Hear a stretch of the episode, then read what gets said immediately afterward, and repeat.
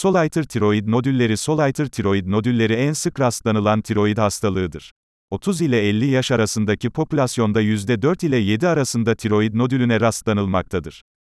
Tiroidde tek nodül olması Soliter tiroid nodülü olarak isimlendirilir. Tiroid nodüllerinde kanser oranı ülkelere ve yaşa göre değişiklikler göstermektedir. Bu oran %11 ile 30 arasındadır. Soliter tiroid nodüllerinin çoğunluğu asemptomatiktir. Çocukta soliter nodülde kanser oranı çok yüksektir. Kadınlarda daha çok görülmesine karşın soliter nodülde kanser oranı erkekte yüksektir. Çocuk yaşta özellikle boyun lenfoması nedeniyle radyoterapi uygulanan hastalarda soliter nodülde kanser oranı daha yüksektir endemi bölgelerinde iyottan zengin bölgelerde papiller kanser, iyottan fakir bölgelerde ise foliküler kanser oranı daha sıktır. Anamnezde daha önce var olan nodülün süratle büyümesi, sert, fikse ve boyunda nodülle birlikte lenfadenopatinin tespit edilmesi, ses kısıklığı kanseri düşündürür. Selim tiroid nodüllerinde hastanın takibi yapılır takip sırasındaki değişiklikler göre ameliyat kararı verilir. Cerrahi tedavide nodülün selim veya kanser olmasına göre total tiroidektomi, totale yakın tiroidektomi, total lobektomi veya subtotal tiroidektomi olmak üzere ameliyat teknikleri uygulanır. Tiroid bezi tiroid hormonlarını sentez eder ve salgılar. Tirozin aminoasitlerine iyot bağlanması ile oluşan bu hormonların en çok salınanı T4'tür. T3 daha az salgılanır. Tiroid bezinin diğer hormonu kalsitonindir ve parafoliküler C hücrelerinden salgılanır. Tiroid hastalıklarının tanısında en çok kullanılan laboratuvar testler tiroid hormonlarının kandaki düzeyleridir. Daha kolay yapılabilmesi açısından total T4, T3, TSH ve serbest T4 ile 3 seviyeleri fonksiyonel açıdan yardımcı olur. İleri olgularda tiroid antikor, antitiroid peroksidaz antikoru TPOAB, anti-TSH reseptör antikoru, antitroglobulin antikoru TGAB tayini yapılır. Tümör olgularında tiroglobulin TG ve kalsitonin tayini yapılır.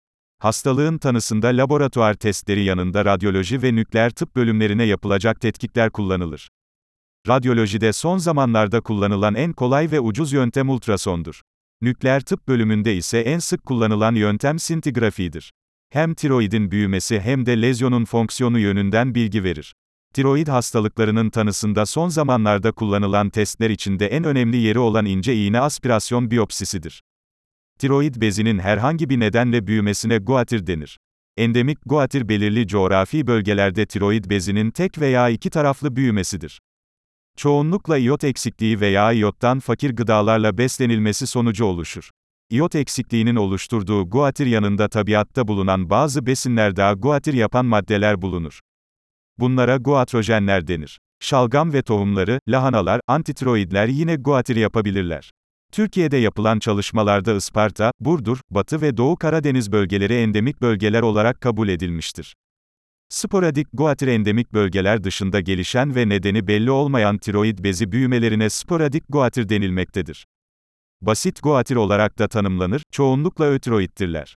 Basit difüz guatir bu tip guatirlarda fonksiyon bozukluğu olmadığından hastalar çoğunlukla estetik görüntü ve bası şikayetleri ile başvururlar. Basit ve endemik guatirların tedavisi öncelikle profilaksi ile olur. Endemik bölgelerde guatrojen maddelere dikkat edilmesi ve iyot profilaksisi yapılır. Medikal tedaviye rağmen büyüyen, retrosternal bası semptomları yapan, estetiği bozan ve kanser şüphesi taşıyan olgularda cerrahi uygulanmalıdır. Cerrahi sonrası bu hastalara L-tiroksin tedavisi uygulanmalıdır. Multinodüler guatir Multinodüler guatir etiyolojisinde en önemli etken endemik guatirdir. Multinodüler guatirlarda en önemli problemlerden birisi kanser riskidir. Guatir ve tiroid nodülleri tedavi asemptomatik olgularda hastanın TSH düzeyine göre L-tiroksin verilebilir. Kanser riski, retrosternal büyüme, bası semptomu ve kozmesis tiroidektomiyi gerektirir. Hastaların tedavisine tiroidektomi, radyoyod tedavisi ve T4 uygulaması, hastanın durumu, yaşı ve hastalığın evresi ile ilgili karar verilir. Tiroidektomi genç, sağlıklı ve özellikle bası semptomları oluşan olgularda standart tedavidir. T4 tedavisi riski düşük TSH seviyesi üst sınırda orta yaşlı grup için seçkin tedavidir.